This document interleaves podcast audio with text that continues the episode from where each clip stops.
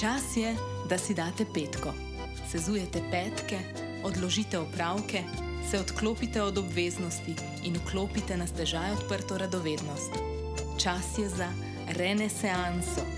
Vaš petkov podcast o trendih, tehnologiji, inspiraciji, svetu kot je in kot bo še. Dragi renesančniki, pozdravljeni v novi epizodi vašega najljubšega podcasta. Danes se bomo pogovarjali o svobodi. Zakaj? Zato, ker živimo v enih posebnih, zelo turbulentnih časih, v katerih si mora vsak posameznik in tudi mi kot družba redefinirati, kaj to pomeni in za posameznika, in za družbo. In z nami je nihče drug kot eden izmed najbolj svobodoljubnih mislecev, Jan Kok. Zdaj se moram pa jaz obrniti in prebrati vse funkcije, ko jih on upravlja v življenju. Zajemam sapo. Pazi to. Jan Kok je podjetnik, ustanovitelj Unsection Media, svetovalec startupom, igralec, producent, video ustvarjalec, bloger, podcaster na brlog.si in v prvi vrsti eden izmed najbolj zauzetih zagovornikov svobode in izražanja resnice, kar jih jaz poznam. Tako da sem prepričana, da nam bo danes dal ene nove poglede in razsežnosti tega, kaj pomeni svoboda. Jan Kok, živijo, dobrodošli z nami. Živijo, Hvala za tale uh, extensive list uh, mojih nazivov. To je tako, veš, to je tako, tako je bilo, jaz sem šla na LinkedIn, to se ni nehal. to je tako, kot imaš tisti študentski film, veš, um, ki je created by Jan Kok, edited by Jan Kok. Ja, pa veš, kaj sem pozabila? Na Twitterju predsednik uh, ljubiteljev Melanie Trump, Spenklava. Ja, ja, ja, ja, nekdo, mo nekdo mora biti nekdo mora biti in jaz sem to z veseljem. Najbolj znana slovenka, uh, rab tudi predstavnika Fenkluba. Imamo tudi podpredsednika, vse je, vse je, hierarhije so obstajajo, imamo to vse zmenjen in zrihten. Dobro. Jan, ne, prvo vprašanje, če za ogrevanje, ki nam boš ti to zelo lepo povedal, imamo eno filozofsko. Kaj je hmm. za te svoboda? Ja, zelo dobro vprašanje. Hmm. Svoboda je mogoče eh, nekaj, kar ljudje ne pomislijo avtomatično in um, se mogoče sliši kontraintuitivno. Po moje je svoboda odgovornost. Oziroma, um, kot je Jocko Willing pravi, uh, discipline equals freedom. Um, ker svoboda brez neke. Nekih omejitev, neke odgovornosti uh, na koncu ni veliko vredna. Lahko, lahko jo imaš, uh, lahko imaš neko popolno svobodo, brez odgovornosti, ampak v končni fazi, če, um, če se na določene načine ne omejiš, če si postiš preveč odprte roke, preveč odprte poti, um, to, če me vprašaš, ne vodi v nič dobrega. Za me, za, me je, ja, za me je definitivno svoboda, uh, so omejitve in odgovornost. Ko govoriš o omejitvah, o kakšnih omejitvah misliš? A misliš tako o omejitvah tega, da ne smeš škodovati drugim ljudem, a o finančnih omejitvah, se pravi, da se ne preselimo v Brunalico v gost in tam lovimo, ampak da delamo še kaj, recimo, temu, da ima bolj altruistično, družbeno koristnega. Kakšne so te omejitve? Mm, to, so, to so lahko vse, kar si skoraj naštela. Ne? Um, z vidika nekih, recimo, državljanskih pravic imamo svobodo, ampak se načeloma konča tam, uh, kjer se začne svoboda drugih ljudi, pravice drugih ljudi. Um, finančna svoboda je, mislim, po mojem, ne more obstajati brez finančne odgovornosti, če, če, si, um, če si ne znaš svojih financ urejati. Uh, v končni fazi tudi pride do, um, do trenutkov, ko teh financ več ni, ne, če, so, če so neomejene, če niso dobro upravljene in tako naprej. Tako da, um, v, po mojem, v vseh, na vseh področjih je lahko preveč svobode slabo. In omejitve definitivno nekako omogočajo, da na, na vsakem področju, ki se ga lotevamo, uh, kjer si te omejitve, neka pravila. Vse te omejitve ne, ne, ne pomeni nujno nek, mogoče se sliši negativno.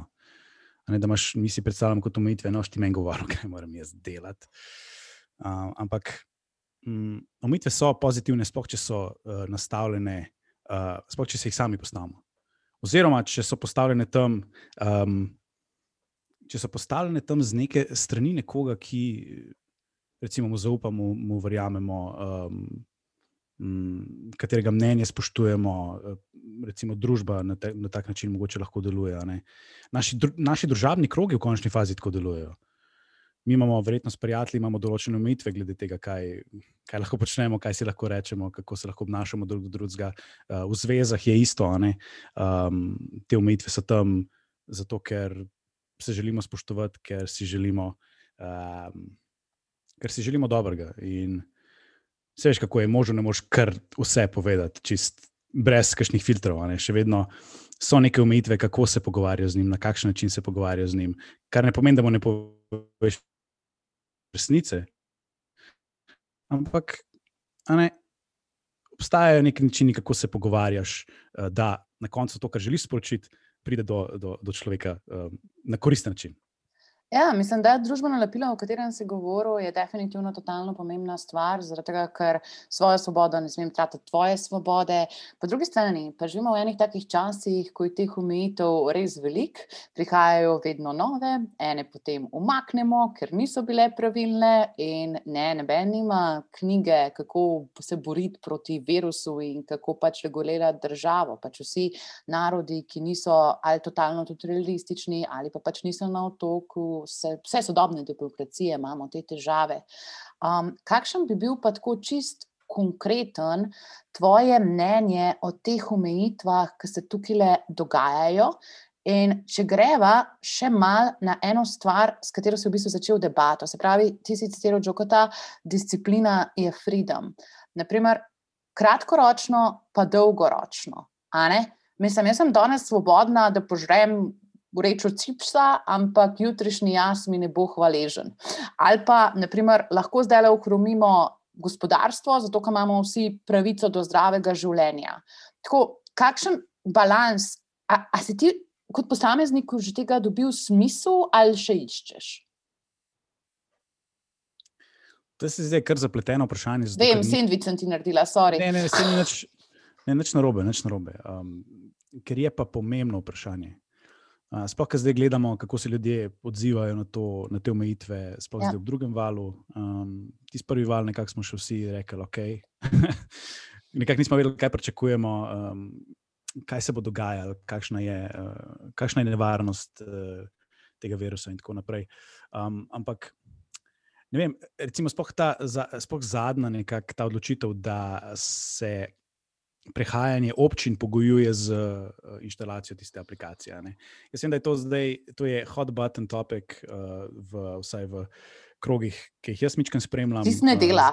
Tis ne dela. Meni že en teden prikazuje, da imam tri rizične stike, zato ker sem bila v Hoferju, pač tisto ne dela. Sorry, ne dela.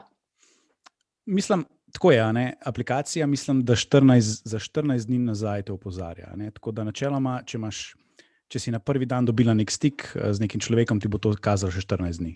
Tako da eh, nič ne robe s tem, da imaš že cel teden eh, to, um, te tri stike, zdaj ne vem, igraš nek Devil's Advocate, pa se mal, pa se mal hecaš. Ali, ja. si bila res? Okay, okay. uh, zelo dober LARP je bil, zelo dobro si to ponašala. Um, ne, a veš. Meni se recimo izmed ukrepov to zdi še tako najbolj, najbolj um, kako bi ti rekel, dosta razumen. Ampak vedno je tista, vedno je tista meja med nekimi principi, nekimi, um, kako bi ti rekel, vrednotami, ki jih imaš, ki so načeloma. Vem, jaz, jaz jih nisem najbolj vesel, ko države omejujejo moje svoboščine. To je, to, je recimo, to je moj baseline, iz tega jaz štartam. Ampak potem pa gledaš to situacijo s korono in rečeš, ok, mogoče, a ne zdaj. Kje se, spet vprašanje, kje se moje pravice končajo, ki se moja svoboda konča, pa se svoboda nekoga drugega začne. Ne? A, a, a je moja svoboda ta, da um, recimo okužen, prehaja meje in ustvarim neko, uh, epi, kako se temu že reče, uh, uh, reči, epidemiološko situacijo, ampak neko situacijo, kjer bom izbruh. Recimo, izbruh, hvala, Nek, nekje, kjer bom okužil veliko ljudi in recimo nekomu ogro, ogrozil uh, zdravje. Je, je, ta, je ta balans med. med uh, spet med mojo svobodo, da, da se premikam in prehajam, ki je tudi na nek način od tega, da je um, ustavna kategorija, je tudi, recimo, da imamo reči, kategorija um, nekega naravnega prava. Um, in uh, kot, kot faliran pravnik uh, se še spomnim malo teh, mal teh zadev. Um, in veš, težko ti dam dober odgovor, zato ker vse v meni kriči, ok, ne boš ti meni govoril, da se jaz ne morem premikati, da ne morem iti ven po 9 uri. Um, ne vem, skoraj uh, fuck the police, ali kako bi temu rekel. Um, ampak kot nek razumen človek si rečeš, da v teh res čudnih časih, vsaj medosebnih stikov, mogoče, da jih lahko malo umejiš, da lahko čisto razumsko se ustaviš. Pa, um, ne, ne misliš, da je zato, ker je SDS trenutno na vladi, da pa zdaj to avtomatično pomeni uh, diktaturo, prehod v fašizem in tako naprej. Sploh, ker recimo naši ukrepi niso spet tako strogi, kot so ukrepi neki drugi, strpali v tako imenovane COVID kampe, pač dobesedno Alex Jones, uh, FEMA camps. In um, so ljudje, Jacindy Ardern, ki je, ki je v bistvu progresivna ženska, premjerka, so ji ploskali, kako dobro se Nova Zelandija spopada s COVID-om. Medtem, ker tukaj smo, recimo, polovične ukrepe imeli v končni fazi, pa so ljudje kričali, kako prehajamo v diktaturo in fašizem. Po mojem, samo zato, ker na vladi trenutno sedijo liki, ki niso najbolj preljubljeni, da imamo temu tako reči. In ne, vedno pa nekako pridemo v to emocionalno, nek emocionalen odziv na določene, na določene stvari, ki se dogajajo objektivno, ne nujno v najslabši luči ampak jih mi potem dojemamo, zato ker pač pripeljemo neke svoje uh, pristranskosti noter v vse to. In lej, nimam dobrega odgovora za te, kar se tega tiče. Pač iz dneva v dan je treba analizirati zadeve, pa malih spremljati. Pa jaz mislim, da še nismo tam daleč, ker moramo z orožjem začeti uh, rožljati vladi, da naj se nas paza. No, le ti kar tvitam, kdaj bo treba to začeti. Jaz te spremljam mm. tam na Twitterju, ti kar dej mm -hmm. poziv, pa idemo mm -hmm. pol. Um, ja. ne, ajde. V Minecraftu. V Minecraftu. Ja, ja, ja, gremo mi na Cyberpunk, ja, ja. Street Fight, v redu je, bo boljš za nas. Um, ne, veš, kaj, zdaj pa v bistvu, to debato lahko nadaljujemo iz dveh zelo različnih kotov. Eno je, da se začnemo pogovarjati o etiki, pa o medgeneracijskem sožitju, druga je, da se pogovarjamo o gospodarstvu, pa o gospodarski svobodi. Kaj bi rajš? Mislim, gospodarska, sploh v Sloveniji, je tako zelo zanimiva. Sploh v tvoji so... panogi, zaradi tega, ker pač tako produkcije so fully ustavljene in to je ena izmed panog, ki je dejansko trpela. Ne? Mislim, produkcije v Sloveniji so, po mojem, izgubile pol sezone letos, ker večina tujih produkcij, mislim, večina produkcij, večjih produkcij, komercialnih, ki se dogajajo iz tujine. In ko ti dejansko zapreš meje, kot, kot tujina ne more več priti uh, uh, sem, imaš problem. Uh, vem, da so probali rešiti to z raznimi. Um, da temu reči, oddaljenimi produkcijami, ko so preko, um, v rekovajih, Zoom kolov, režiserji upravljali svoje delo, recimo iz Nemčije, iz Anglije in tako naprej, uh, snemali se je pa tukaj. To se je, to se je malo probalo, ampak nikoli, nikoli ni čisto, um, definitivno promet opade in smo. Hvala Bogu, mi nekako sodelujemo največ z nekimi um, da temu reči, slovenskimi lokalnimi strankami, še trenutno, uh, kot neka mlada produkcija, oziroma na pol se trudimo biti že tudi, da temu reči, nek botični agency za, za, te, za ta področja, ki jih pokrivamo. Um, Kaj pa pokrivate? Smo, ha, ja, načeloma, mi, vsaj jaz, izhajam iz, uh, kako bi temu rekel bolj akcijskih, uh, outdoor in tako naprej vod. Uh, tako da m, mm, pokrivamo v bistvu načeloma kar razvit. Taktični slovenski trg, um, in probujemo mičken tudi uh, zajeti, kakšen evropejski oziroma ameriški. Tako da to je eventualno ne, cilj. Um, in zdaj, recimo, z ljudmi, ki počasi prihajajo v skupino, dodajamo zraven še dizajn, dodajamo dejanski know-how ljudi, ki so bili, recimo, um, včasih uh, člani slovenske vojske, kot bivši specialci in tako naprej. Da delamo nekaj, kar je sicer zelo nišnega, ampak je. Um, Je ful naša stvar in ful razumemo in ful štekamo. In jaz si upam trditi, da um, vsaj kot režiser, po mojem, ne poznam človeka, ki bi te stvari razumel tako, kot jaz.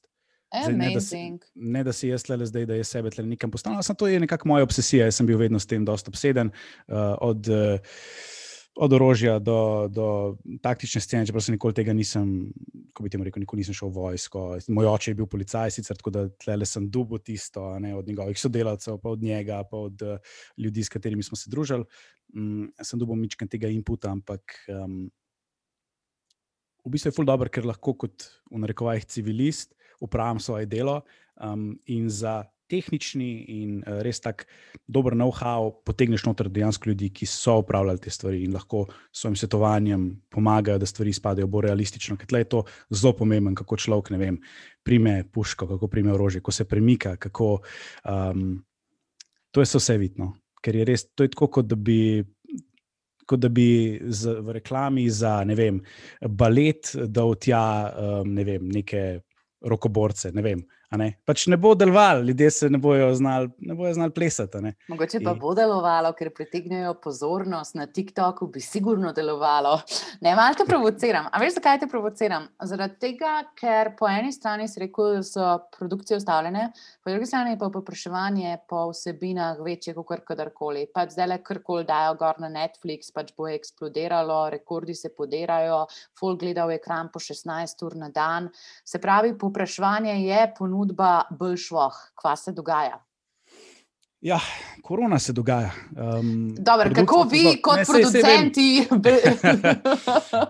Se, se vem, da ti to veš, um, ampak želel sem to izpostaviti, ne, ker v končni fazi produkcija je še vedno zelo human intensive zadeva, kjer eh, še vedno rabiš veliko ljudi na terenu, ponavadi, mislim, velikrat delaš v zaprtih prostorih, sploh če se snema v studijih, sploh na večjih nivojih, uh, ko, se dela, ko se dela res v, v studijih, kjer imaš ti 100-200 ljudi na setu, to je velik logistični problem. Danes mislim, da je prišel ven video, kjer se Tom Cruise dere na svoj, na svoj COVID, uh, ko se temu že reče. COVID compliance officers. Um, ja, ki moraš zdaj potrebuješ ja, na setih ja, ja. ljudi, ki te streljajo z uh, temi. Temperatura, uh, termometri. Ja, termometer, pa teste se dela. Se zato je tudi pri nas uh, veliko test, velik testiranja se dela prav zaradi komercialnih uh, snemalnih projektov, ker imaš ti dejansko 100 testov, treba narediti vsak dan, oziroma vsakih par dni, je treba ljudi testirati, hitri testi, pa potem še PCR testi. Skratka, to je taka logistična nočna mora, zakaj. Uh, in mogoče dober odgovor, zakaj se je vse tako zelo ustavilo. Ker imaš, imaš ta bottleneck, um, zdaj teh korona ukrepov, zaradi katerih je snemanje oteženo, uh, upočasnjeno uh, in se je, se je definitivno treba prilagoditi. Hvala Bogu, um, so načeloma vse vlade po prvem valu dojele, da če bodo vse zaprle, bodo ljudi spravili na kant, in um, se zdaj v drugi rundi tega gremo veliko manj. In to je zelo taka stvar, se, s katero se jaz tudi osebno borim.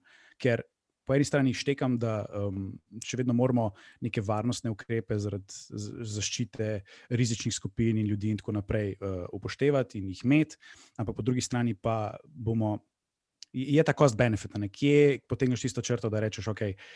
Zdaj pa te ukrepi že škodujejo, zdaj pa zaradi tega, ker imamo pa vse zaprt, uh, ljudje so izgubili službe, nimajo denarja, niso finančno, tako kot si rekla, varni, se ti maslova piramida podre, ljudje rade depresivni, imaš uh, zaradi tega bolezni, imaš samomore in tako naprej. In, um, Jaz mislim, da, da v končni fazi, ko bomo črto potegnili, bomo videli, da so bili uh, ukrepi pretirani, po moje, ampak to bomo videli čez deset let. To je zdaj na tej točki, je brez veze, um, je brez veze sklepati, pa biti pameten, pa se iti nekega marka potrča, ampak je treba, je, vedno, kar se tiče varnosti, se mi zdi, um, da je fajn biti mičkeno. Eh, konzervativen uh, in bolj previden, in vnaprej pripravljen, ker uh, sam tako nekako lahko uh, tako se lahko zavaruješ, noč ne škodi, če mičkam zapretiravaš, uh, pa si bolj varen, kot pa da rečeš, nah, se neč ne bo, ne, pa te neka zadeva preseneti in te na koncu lahko eh, zelo uh, potovče. Tako da planirati naprej. No. Po drugi strani je pa tukaj tudi ročnost. Kaj planiraš? En fulj zanimiva študija je um, na področju samovozečih vozil, sicer koga bi povozil, ali bi starejšega občana povozil, ali bi dojenčka povozil. In tukaj se ti fulj vidi, kje so kolektivistične družbe in kje so individualistične družbe. Pač tako na kitajskem in pri teh bolj kolektivističnih kulturah vedno zaščitijo starejšega človeka, v individualističnih pač kulturah, pa mlajšega človeka, ker bo AKA več, pripono, um, več pripomogel v družbi. In klele, mislim, je čisto konkretno vprašanje, s katerim se jaz tako bolj ekonomsko ukvarjam, je, da naš helikopterski denar in da naše zadolževanje, da to delamo na škodo mlade generacije.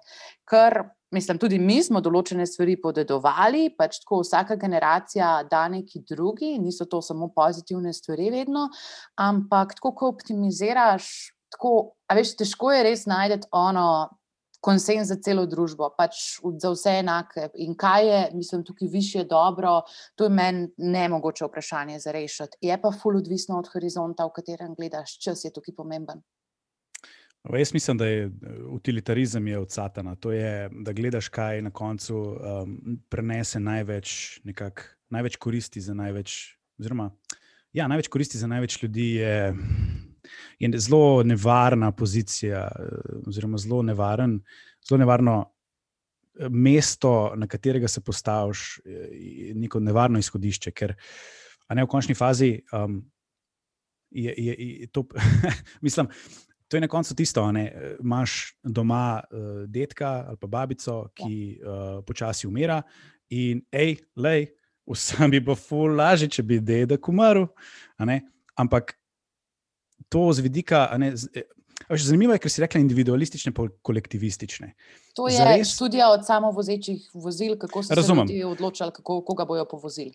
Razumem, ne pravim, da je to tvoja pozicija, pravim, da si omenila eh, te dve besedi, ne, individualizem in kolektivizem. Zdaj, spet znotraj tega imaš spet različne male pole, s katerimi se lahko igraš. Ne, ker individualizem, kakorkoli obrneš, je na nek način pogruntavščina ne vem, krščanske Evrope. Mi smo, mi smo individu, mi smo osebi, eni osebi uh, dali tisti najvišji pomen. In to mislim, da je, to mislim, da je nekaj najlepšega, kar se je, kar se nam je v Evropi zgodilo, zato ker smo lahko v končni fazi rekli, da okay, je posameznik, ki ima svoje želje, ki ima svoje, svoje upe, svoje. Um, Kar ko že ima svojo vrednost. In tle je, spet, tle je vedno, ful težka pozicija, da se postaviš z vidika, okay, kaj, je bolj, kaj je bolj koristno za gospodarstvo, kaj je bolj koristno za, um, za to, za uno, tretjo, četrto kategorijo. Um, zato je to tako težka tema, na katero je tako težko karkoli konkretnega reči.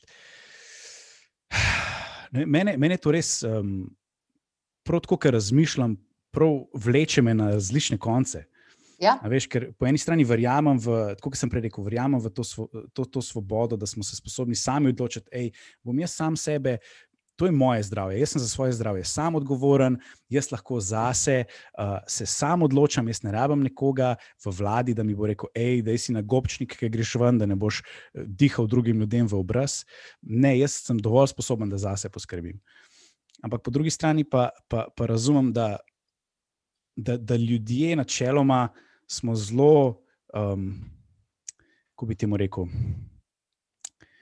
Zelo smo. Mislim, kot uh, kultura, mi preživimo, če delamo skupaj. Ne? Mi smo dominirali kot človeška vrsta svetu, ja, ker... Tega, ker delamo skupaj, ker smo zgradili kultur.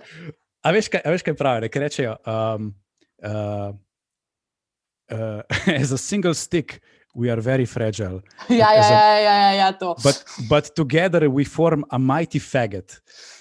In to je, to, to je ne fasces, če gledaš že sam iz rimske zgodovine. Uh, kar je na koncu tudi fašistična Italija prevzela, je ta, um, ta simbol, ta fastes, je, so, so uh, se pravi palčke, ki so povezane skupaj v tem, se reče fastes. In, in to je, to je prav ta ideja. Ne? Imaš v bistvu individualiste znotraj neke skupnosti. Ne? Zdaj je samo vprašanje, in kako bi se rekla, skupaj smo, skupaj smo močni, ne? kot sami smo lahko, um, smo lahko šipki. Ampak tle, tle se začnejo tiste meje, kje mi, kje mi izberemo posameznika pred kolektivom, pa kje damo mogoče kolektivu mičken prednost, zato ker nočemo glih, um, nočemo glih, recimo, ne vem nekatere stvari je težje narediti, če imaš ti zelo atomizirano družbo. Ja. Veliko lažje prideti eh, eh, je v nekem um, kolektivu, ki je lahko čisto prostovoljen, pa sestavljen iz posameznikov. Ne, se ti ne rabiš kolektivizma, kjer ti postavljaš družbo nad posameznika, da lahko ti še vedno kot nek kolektiv dosegaš neke skupne cilje. Vse to so pravne osebe v končni fazi, ki se vzpostavijo zato, ker mi želimo kot skupina ljudi, ker razmišljamo v isto smer, ne, hočemo nekaj ustvariti. In zato se združimo in kot kolektiv smo veliko bolj močni, pa če smo čist sami. In to recimo tudi jaz, to, to recimo jaz opažam, ko v bistvu prehajam iz tiste faze, kjer sem nekako še sam, kar se posla tiče, vse stvari sam delal, pa sem režiral, pa sem montiral, pa sem snimal, pa sem to pa gor pa dol. Ko prideš do točke, kjer, ok, fakt, ne morem več sam, preveč je vsega, um, rabim pomoč. In tudi, ko vzpostaviš neko ekipo, je veliko lažje tudi stvari delati, tudi boljše stvari lahko delaš, več lahko narediš, um, lahko rasteš, ker se v končni fazi ti kot nek eh, idejni vodja uh, ali pa nek kreativni direktor ali kar koli že temu hočeš reči, lahko mičkano oddališ od vsakodnevnih grindov, uh, pa od vsakodnevnega v bistvu opravljanja nekega, kako bi temu rekel. Um, Operative. Pač, če delaš operative, obrtnik. lahko razmišljaš tri stvari nazaj. Obrtnik lahko. je popolna beseda. Mene je enkrat direktor enega mojega podjetja, ki je stranka, užalil temu, da je mi rekel, da se včasih obnašam ja. kot slovenski obrtnik pri svojem Točno mindsetu. To. Točno to. In, in to, to, da si, veš, to, to, je, to je nek bravo, mindset. To je, to, to je točno to. Ko greš iz tega mindseta, iz obrtnika, ker ti. Dejansko um, fizično nekaj stvari sestavljaš skupaj, pa jih delaš po naročilu drugih, ne, v nekakšen bolj, um, pa ne, ko bi ti rekel, neko vodilno, oziroma kako si ti prej rekel, lahko razmišljaš par korakov naprej, ne delaš, nisi samo danes prisoten na tem projektu, na katerem si, ampak lahko razmišljaš naprej. Okay, kaj so za naslednje leta cilji, kaj uh, lahko letos naredimo. Um, ne, jaz sem to šele letos, mogoče mičkam bolj lahko začel, zato ker smo končno začeli, smo končno tako zrastali, da smo lahko začeli sestavljati uh, ekipo. Ne? In tle je tista spet.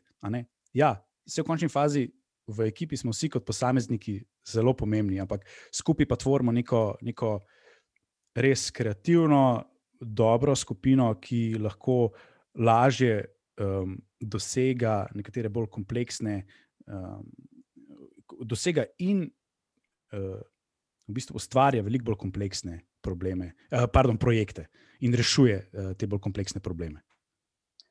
Dobro povedano, in v bistvu sem se spet zavrtela v enem krogu, kjer bi jaz rekla, da pridemo nazaj do časa. Uh, kaj čas dela? Čas dela zmagovalce, pa poražence. Uh, tvoja industrija, tam, ki ti delaš, je bila ena izmed teh, ki so bile najbolj udarjene. Dobro, ne kot turizem, pa letalske družbe, pač ljudje še vedno hočemo, krepenimo potem, da konzumiramo video vsebine, pač tako je lep beg od realnosti. Ampak po drugi strani se je produkcijska stran, oziroma snema, snemanje, se je blazno zakompliciralo. In tukaj sem pa videla, mislim, čisto v biznisu, dve reakciji. Eno je, počakamo, da vidimo, kaj se bo naredil, kurmo svoje rezerve, kurmo svoj špeh. Druga je bila, gremo inovirati. Gremo v prve vrste, probamo vse, kar se proba, da pač tako gremo stvari na novo narediti, in klele pa rabiš par testi so, ne? da pač razmišljaš na ta način. Definitivno pomaga, če imaš dno maslove hierarhije poštimano in ne rabiš iti na vse ali nič. Ene ljudi pa glih to driva, se pravi, da se morajo boriti, da nimajo onad za zgubiti, ono pač, da grejo. In tako, ker si ti bil zelo v biznisu, kakšne reakcije si pa ti opazil, kako se ljudje soočajo pa redefinirajo svoj prostor na svetu? To si zdaj fuldo povedala, to tvoje opažanje definitivno drži. Um, nekateri ljudje so se pač, ko so se te stvari začele zapirati, vsaj v tem poslu, se mi zdi, kar je sicer je problema, ne, ker ti kot nek posameznik um, znotraj te, znotraj precej velike industrije, tudi nimaš veliko prostora inovirati, um, ker si načeloma vedno vezan na, na te večje produkcije, za katere, za katere delaš. Zdaj, to je, to je, če, če gledamo, tako kot sem prej rekla, ljudi, ki so bolj kot ne obrtniki, sicer so, so profesionalci na svojih področjih, ampak so vedno odvisni od, od teh projektov. Um, in vsaj jaz Mi smo, mi smo imeli nekaj sreče, ker smo, ker smo si naredili zalogo nekaterih projektov, ki smo jih potem v bistvu med, med, samo, uh, med prvim valom korone v bistvu zaključovali. Smo bili v postprodukciji, kar pomeni, da smo, bili, da smo bili doma, da smo lahko doma delali in se nam je na nek način mičken tako. Fajn usedel to, ker dejansko nismo imeli novih projektov, kar pomeni, da smo se lahko bolj osredotočili na, um, na tiste, ki smo jih imeli odprte. Je res, da smo mogoče um, služili v tem času, smo se pa tudi zavestno odločili, pa predvsem jaz, da na projektih, ki smo jih imeli, ki smo jih imeli odprte, smo pač mičken več še dali svoje not, ker je bilo mičken več časa, ki smo ga lahko namenili. Uh, tako da smo tudi mi po nek način dali strankam več, čeprav je, bilo, je bila situacija, kjer um, se je pričakovalo, da bomo mi dobivali manj.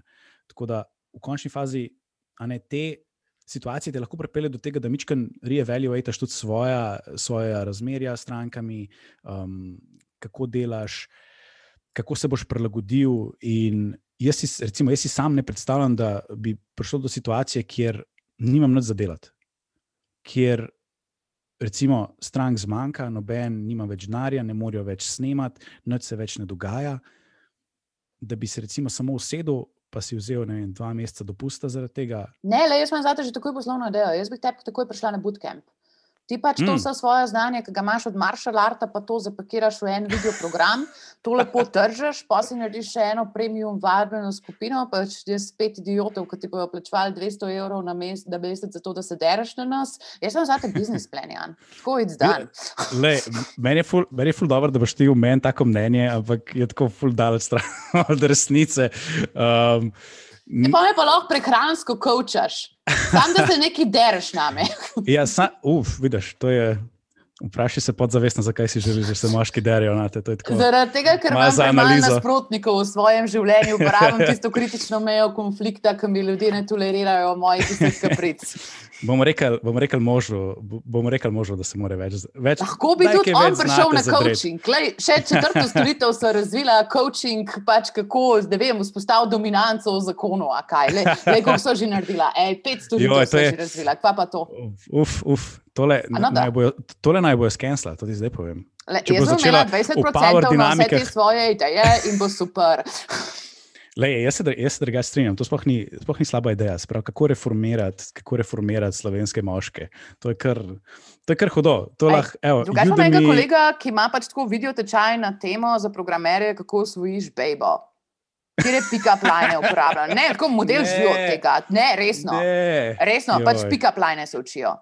Mislim, gledaj za vse se najde niša, no, tako bom mhm. rekel. Uh-huh. tudi OnlyFans, pa te zadeve so zdaj eksplodirale, ker si doma. Povej, prosim, poslušalcev, in... kaj pomeni OnlyFans. Um, Nač tacga, ne tega googlati, um, ne svoj denar in čas tam zapravljati, ne simpat uh, ženskam, gospodje, to je definitivno stvar, ki je ne želite delati. Uh, hranite svoj denar za nekaj bolj realnega um, in ne za plačevanje za, za kako bi te rekel, erotične vsebine na internetu. No, primarno pa se je razvila kot zaprto družbeno omrežje, na katerem lahko ljudje, ki imajo svoje skupnosti, monetizirajo to svojo skupnost in objavljajo vsebine, ki so ekskluzivno. Dosegljive samo tistim v sklopu, eh, ki so plačali. No? Jan je tukaj naredil eno referenco na eno določeno področje, ampak v primarnih časih so bili, na primer, že pivci, pa igravci gor. Ne, mislim, fulje zanimiv, dejansko je zanimivo, kako, um, pa to bo tudi mogoče zanimivo za kakšne večje podjetje, kako se bo zdaj redefiniralo delo. Uh, sploh, ker so vsi ljudje v bistvu videli, da lahko dejansko delajo doma, da ne rabiš hoditi v pisarno, da ne rabiš plačevati tisoče in tisoče evrov za, za pisarne. Um, to je res ena taka stvar, kar je zelo smešen, ker jaz sem pa dejansko najel pisarno v tem času, um, ker se zdaj, zdaj tudi v bistvu spremenjamo tudi v nek tak uh, audio studio, da bomo lahko noter tudi um, delali recimo streaming vsebine, podcaste in tako naprej. In je recimo nek tak, neka taka stvar, kjer um, se je nekaj denarja tudi z naše strani vložil v mogoče uh, diverzifikacijo nekih storitev, ki jih upravljamo, oziroma nekih uh, zadev, ki jih bomo lahko, zabavnih vsebin, ki jih bomo lahko tudi, tudi ponujali. In to, to, to so res, mislim. To, to, Točno kot si prej rekla, mindset je, kako si nastaviš, kako te ene take stvari, ki se ti zgodijo, kako jih gledaš. Lahko se ti zgodi najslabša stvar na svetu, pa ki se nehaš sam sebi smilt, se lahko sedeš dol in rečeš, ok, the best. Super, da se mi je to zgodilo, zato lahko dejansko se usedem in na novo premislim, kaj delam, kje sem, ja. Eh, katere stvari lahko eh, drugače počnem, kje so tisti minusi, ki so se mi dogajali, um, kam lahko bolj svoj čas ložim, kako lahko postanem manj fragilen, uh, kot nek ta anti-fragile uh, um, koncept, ki ga ima um, Nikolas, uh, nasim Nikolas Taleb, oziroma kako je že, zdaj se bom, sem si mnogo do usta. Ne smeš biti snowflake. Kaj ne smeš? Ne smeš biti snowflake. ja, ja, ja. Držal Ne, um, je tudi zelo zanimiva stvar. Ampak, um, ja, veš, jaz, jaz si tako na to gledam iz perspektive nekega manjšega podjetja, ker mi nismo ne vem, kakšne živine. In se mi zdi, da take fluktuacije, recimo v, v, na trgu, pa tako naprej, um, se, se pri nas tudi kar poznajo. Um, in Ampak na drugačen način, ker če si ti neko ogromno podjetje s ogromnim, ogromnim overheadom, ker imaš fulejnih um, stroškov, ker imaš, uh, tako kot so prej rekli, najemnine za, za pisarne, pa ljudi, pa plače. Ne, in ki ti to vse upade, ti imaš v bistvu te postane ogromno enih fiksnih stroškov, ki jih moraš zdaj pokrivati. Ne, nimaš pa. Nimaš pa odkje vzeti, ker je korona in je vse zaprt, in kako se boš temu prilagodil. In eni boljši kot drugi, ali kaj. Ne vem. Jaz, jaz, ja, ne, tukaj, lahko... jaz imam feeling, da je to survival of the fittest. Tebe imam sicer na sumu, da si šel investirati v pisarno, zaradi tega, ker boš čez en mesec rato očka in je pač tole iz vidika produkcij, verjetno, precej boljša odločitev, um, pa pač lažje ločuješ dom pa življenje, zaradi tega, ker tako jaz vidim od teh mojih kolegov, vsi starši pač imajo zdaj le blazne probleme z usklajevanjem in če je kakšen prostor, kamor se katerkoli od partnerjev lahko omakne, da pač dela mirno, je to en velik blagoslov za produktivnost, mi rečejo.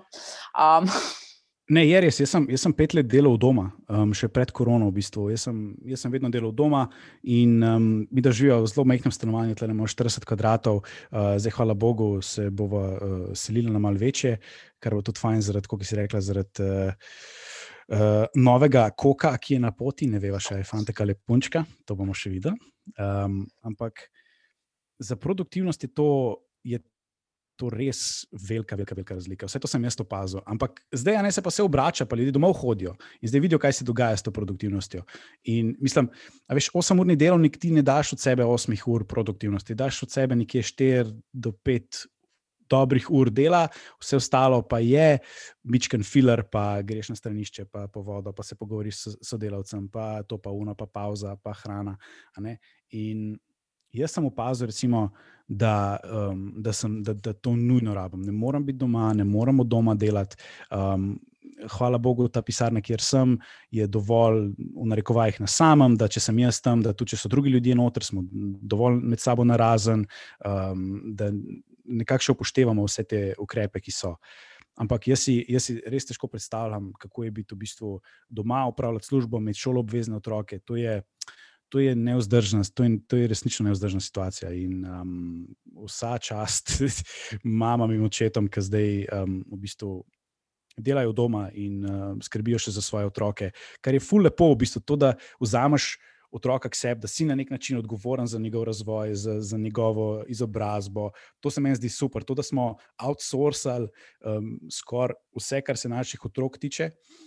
Um, ne vem, ne vem koliko je ne vem, kako je to fajn, čist iz vidika duše, pa razvoja otroka, pa da v bistvu tako nekako ločimo, da nekako ločimo uh, tudi sebe stran od svojih otrok, kar se izobrazbe tiče, pa tega, pa jim taknemo tablice v roke. Nekaj, zdaj sem pameten. Ne, ne, zdaj ko pač razmišljaš, kot bodo oči. Razmišljam pa naprej. Ne? Ne? Zdaj, ja, mogoče mi bo realnost, realnost je itak velika, to daro brsa, ne vsi imamo plan, dokler nas nekdo boksne. Ja, boš ti svojemu otroku dal iPad? Ah. Aha, aha. Ne vem, če. Kot in diet. Ne vem, če okay. veš. To je, pa, to, je, to, je ta, to je pa ta del, ker recimo mi, ki smo bili mulci, ne vem, kdaj. Um, a si ti še spomniš, da si ti dobila internet? Le, jaz sem dobila tistega, ki je imel modem in to je bilo takrat, ko je imela Britney Spears homat Hit Me Baby One More Time. To mislim, da je bilo leto 98, no, ti nice. šor. Ampak ja, neki tasga, prej sem pa Nintendo nažigala. Kaj pa ti? Ja, ej, jaz sem dubil internet, ker sem bil v gimnaziji. Mi smo imeli računalnik doma, sicer imel sem na voljo vem, eno uro na dan, da sem lahko, da sem lahko igre igral, um, ampak to je danes čist nekaj drugega. Ne? Ti otroci se v bistvu praktično že skoraj rodijo s temi tablicami v rokah, ki vidiš, kako v bistvu znajo. Pri, ne vem, jaz mislim, da moj nečak, zemljen nečak, eh, se pravi od, od Maše, ki je moja žena, njen nečak, od brata, uh, sin. Jaz mislim, da je on tisto tablico obvladal že pred dveh letih, si je znal lepo izbrati, kaj bo gledal um, na YouTubu, in je praktično obvladal tehnologijo. Ne. In to se pravi. so te neki kvazi transhumanistični časi, ne vem, kako se nam bodo, kako se nam bodo šli, zdaj zveni nek star fotor, ki se dere v oblake. Ampak um, vem, zelo sem skeptičen. No. Zelo, zelo veliko zadnje čase razvijam, kje je ta, mislim, razmišljam, kako je ta, um, kje se križa tehnologija, neko, neko zdravo uporabljanje, pa um, pojmovanje tehnologije z. Um, Ne, nekako z vzgojo, pa z razvojem, pa z preživljanjem prostega časa. Kje je tista premica, ki je zadeva še koristna, pa pol, ko začne ta premica padati in samo škodimo svojim otrokom. Uh, Jaz ne, ne maram citirati social dileme, pač tako res je nočem, zaradi tega, ker je to čist preveč uh, zlorabljena tema.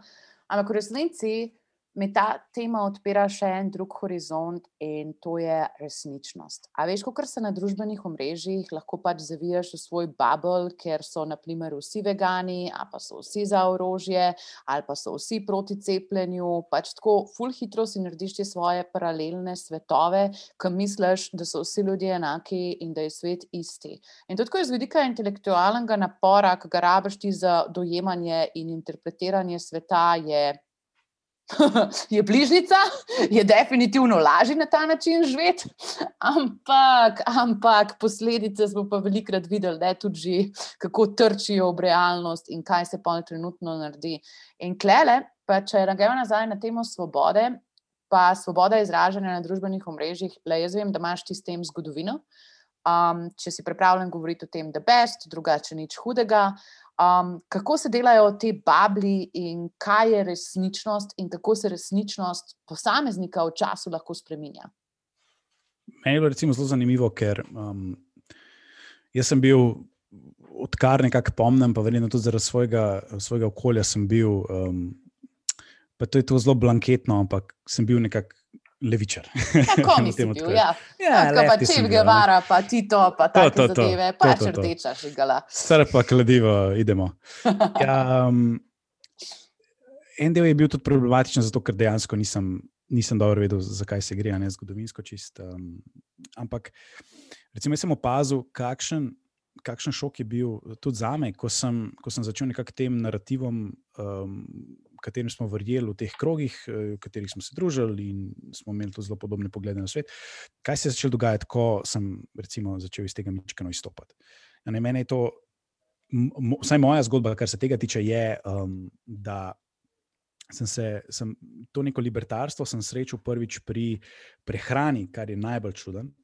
Ampak, um, ko, sem, ko sem nekako začel um, ko sem opazil, da ne, mogoče, mogoče sem se malo zredil, mogoče sem malo debel. Ali se to bo muffin top? Ne, lej, možno, ne, ne spomnim se najbolj, kaj je bil tisti glaven, po, glavno vodilo za glavni povod v to, da sem, eh, da sem se mičkam začel za te stvari brigati, verjetno čisto, uh, ko sem rekel. Verjetno pač, ja, ja, pač kabošinski, brezvezni razlogi. Um, ampak me je to, to nekako začelo zanimati, pa pol mičken, se pravi, mičken treningi, mičken bolj uh, prehrana in tako naprej. In sem začel videti, da imamo recimo neke smernice, ki jih zagovarja država, neke uradne smernice, a ne ta klasična food pyramid, se pravi prehranska piramida ali pa zdaj ta krožnik, kjer imaš uh, čist spodaj, kjer je tega največ, imaš uh, hidrate, pol so, ne vem točno kaj pride, polniki so ribe, pa se pravi beljakovine, pa pa mičken zdravih maščobic, malo sem že posabil. Ja, ja, pa že nek alkohol lahko tam zgori, čisto ja, malo, ja, tako pač. Dovolijo ti eno merco. En kozarc na dan si alkoholik, tako. absolutno moji sorodniki iz Francije so že vsi čez mejo, tako da tako je. To so uradne pravila. Francozinja, okay, zdaj vem, da ti ne smem zaupati. Um, Nisem in, francozinja. Kaj si francozinja? Ne, ne, ne. ne. Jaz sem tam sorodnike, ki so se preselili. Vse do tja pridem. Okay, se... Ker imam okay, strica, ki je bil v legiji, pa te moram še izpračati uh. v obrambi. Uh -huh. oh, nice. uh -huh. um, skratka, ne, in ko sem se začel, sem se začel miškam bolj v te stvari poglabljati, pa brati, pa podcaste poslušati in tako naprej, um, pa ne, tudi miškam bolj strokovno literaturo brati, sem ugotovil, da um, te stvari, ki so neka uradna, državna priporočila, da so čist, da so čist mim, da ne držijo. In tudi, to je tudi prestal, ko ste rekli, da test of time, tudi do danes, ta, ta pot moja je, recimo, ne vem, traja že deset let, če ne še več. Pa se še um, nisi zrušil na tla od holesterola. Ne, ne, definitivno. V redu si, še si tukaj, ja. Lej, lej, sem dobil kakšno, sem dobil kakšno pozvod, zdravnice, ki mi je dala testirati kri, da bi mogoče moral na kakšno dieto, ampak uh, sem rekel, listen, to je tisto, kaj že, um, I know more than you, kaj že. Uh, jaz se ne bom spomnil, kako ime. Lik na Parks and Recreation, ki je libertarc, um, Ron Swanson. Ron Swanson, zvolda. Ron Swanson. Ja. Ron Swanson, ki gre v trgovino z lesom. Ne, ki gre v trgovino z lesom in potem pride, hello, sir, can I help you? Pa tako, I know more than you. Um, skratka, a ne, ki sem to opazil, sem rekel, hm, ok, uh, v, v čem se pa država še moti. In to je nekako začelo to moje raziskovanje. In recimo, jaz sem v teh letih, ko se je to počasi začelo dogajati, pa okay, najprej hrana, aha, okay, pol gibanje, okay, pol mogoče uh, politika, ekonomija. In ker te, te stvari mi čemu zabrajajo. Oprosti, ker te mečem prekinjam, ampak čist rada bi razumela ta underlying reason. Se pravi, ti si v bistvu, moja hipoteza je, da kot otrok si bil svobodoljuben in si čez tole komi narativo najdu te ideale. Ne, pazi, pazi, pazi, pazi to. Pač, kjer ideali so tam v bistvu promovirani, so pač to, da so vsi ljudje enaki, enakopravni, ne vem, kaj je izraz za to, kar oni mislijo.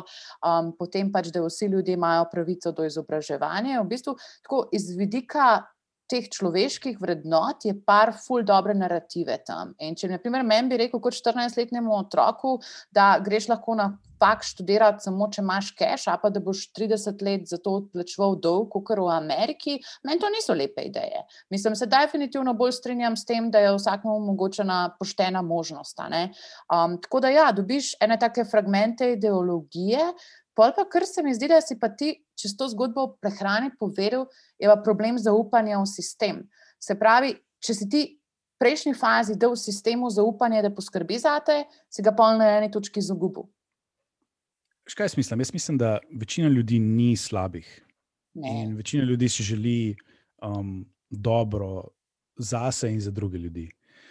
In veliko ljudi, ki verjame v takšne, v bistvu zelo centralistične, ekspanziv, državno ekspanzivne sisteme, je zato, ker si želijo pomagati drugim ljudem. Oni rečejo, ok, ni fair, da imajo nekateri ful več, nekateri pa ful manj. Dajmo tistim, ki imajo veliko manj, pomagati. In jaz mislim, da je to zelo lepo. Ampak problem vedno se zgodi v praksi, kako do tega prideti in kakšne um, posledice ima takšno, v bistvu, da temu rečemo, prerasporejanje od tistih, ki imajo, do tistih, ki nimajo. Ja, Robin Hood sistem. Ja, čeprav Robin Hood je, uh, Robin Hood je kradel državi, pa dajo uh, ljudem, ne, ni kradel uh, bogatim in dajo uh, revnim. Tako da to je malce spremenjen narativ, ki se je zgodil tudi v vsem tem skupaj, uh, v vsem tem času. Ampak ne, jaz mislim, da, to, da ljudje vedno izhajajo iz dobrega in tudi moj, moj, veš, moj instinkt je bil, ok, tako ki si rekla, ne, fuck the system. Ne, ta sistem, ki ta sistem, ki, ki ga imamo, ustvarja tiste, ki imajo, pa tiste, ki nimajo, hej, nekaj moramo glede tega narediti. In mogoče je to najbolj, najbolj v bistvu tak, uh, ko bi temu rekel, um, brute force sistema. Ne? Ok, bomo pač vzeli tistim, ki imajo, pa bomo dali unim, ki nimajo. Problem rešen. Ampak, ampak, ampak a veš, ki smo spet pri problemu dolgoročno, kratkoročno. Se pravi, če boš meni vzel vse, kar jaz naredim, jaz ne bom motivirana več delati in ne bom motivirana inovirati in generirati napredka. Ja, mislim, temo, to je tudi, uh, tlele tudi pride neki v, um, kako ste mu reči, že uh, time preference, pravi časovna preferenca. Ne? Nekateri si želimo stvari hitreje, nekateri uh, lažje odlagamo v trenutni užitek za kasnejše, uh, večje rezultate. To je tudi povezan med raznimi. Mislim, zato so tudi recimo, nekateri bolj uspešni, zato ker lažje odlagajo užitek, nekateri pa rabijo svoj dopomen hit, pač tako je. Ne. In,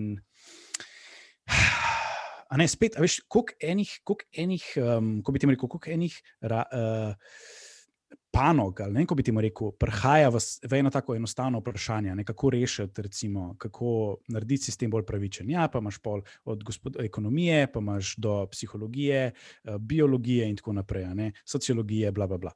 Ampak čist če izhaja čisto iz tega, ne, da, um, da ne bova preveč spet zašla, ker mi je sicer ful dobro, da se pogovarjava, um, ampak ne vem, kako je, kako je to za mogoče gledalca fajn, ker jaz ne morem, uh, uh, se mi zdi, da tudi prej, pa, zdaj se bom spet zapletel, ker to nisi ti kriv, ampak to, je, to so moji fucking ADD možgani, ki začnejo na točki A, pa grejo na točko B, pa najdejo nekaj še na točki Ž, pa morajo tja skočiti, pa pol nazaj. Um, se mi zdi, da. da, da to, kar si rekla, je, je full res in, in točno te razloge, ki si jih naštela, so, so tisti, ki so bili pri meni ta glavni, zakaj sem jaz v bistvu bil na tisti eh, bolj, ne moremo reči, na rekovajih, sočutni poziciji. Um, Ker opaziš te neenakosti, pa želiš glede teh neenakosti nekaj narediti. Ampak vedno bolj, ko sem nekako vse to spremljal, pa ne pravim, da imam dobre odgovore, pa ne pravim, da imam prav, ampak vsaj zaključki, do katerih sem prišel na podlagi nekih, um, kako bi ti rekel, svojih interpretacij, se mi zdijo trenutno pravilni. Zdaj, to, kar sem se že premislil, da jaz sem, tudi, jaz sem šel od, od nekega, čist, eh, ko sem se začel s politiko ukvarjati, nekako v svoji glavi kot mulj, od nekega, recimo, socialdemokrata, pa pol mičkam bolj radikalno levo, uh, pa potem do libertarca, um, pa zdaj mogoče do mičkam bolj konzervativnega libertarca. In ne, to, je, to je konstantna neka pot, kjer iščeš um, tiste, tiste meje med, med svobodo in odgovornostjo, ki so jo prej omenila. In um, ne, socialna mreža, pa to, pa mahurčki, ki si jih prej omenila.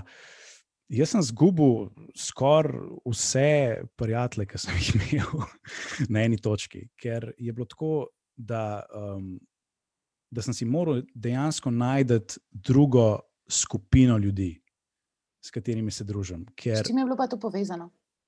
Je, to je definitivno bilo povezano s tem, da sem tudi jaz uh, zelo vokalen, kar se tiče enih stvari, ki jih, uh, ki jih zasledim, pa bi se rad o njih pogovarjal, pa jih rad izražam. In nekaterim ljudem je to pač tumač in rečejo, je tega kretena, ne, kakšne neumnosti govori. Um, najlažje je se s temi stvarmi ne obadati, pa samo ignorirati tega človeka, oziroma ga na rekovajih zapustiti. Tako da jaz vem, da, da sem.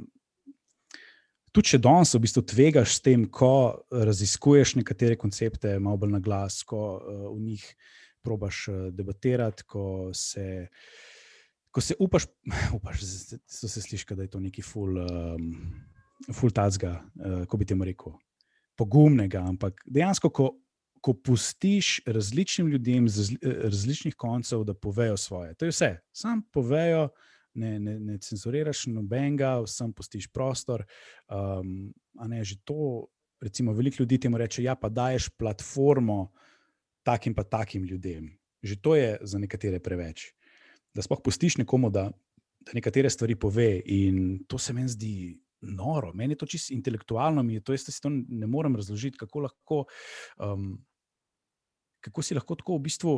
Pa ne vem, zdaj si nesiguren, da je teh ljudi strah, ali uh, misliš, da če, če pustiš, da bodo te ljudje govorili, recimo na podlagi nekaterih preteklih izkušenj. Um, da bodo uspeli v bistvu, ne vem, kaj ljudi radikalizirati, da boš na koncu, če ljudem postiš eh, svobodo izražanja in govora, ne glede na to, kakšne ideje imajo in kaj govorijo, da boš na koncu spet prišel v situacijo, ne vem, po uh, prvi svetovni vojni in potem uh, v, drugo svetovno vojno.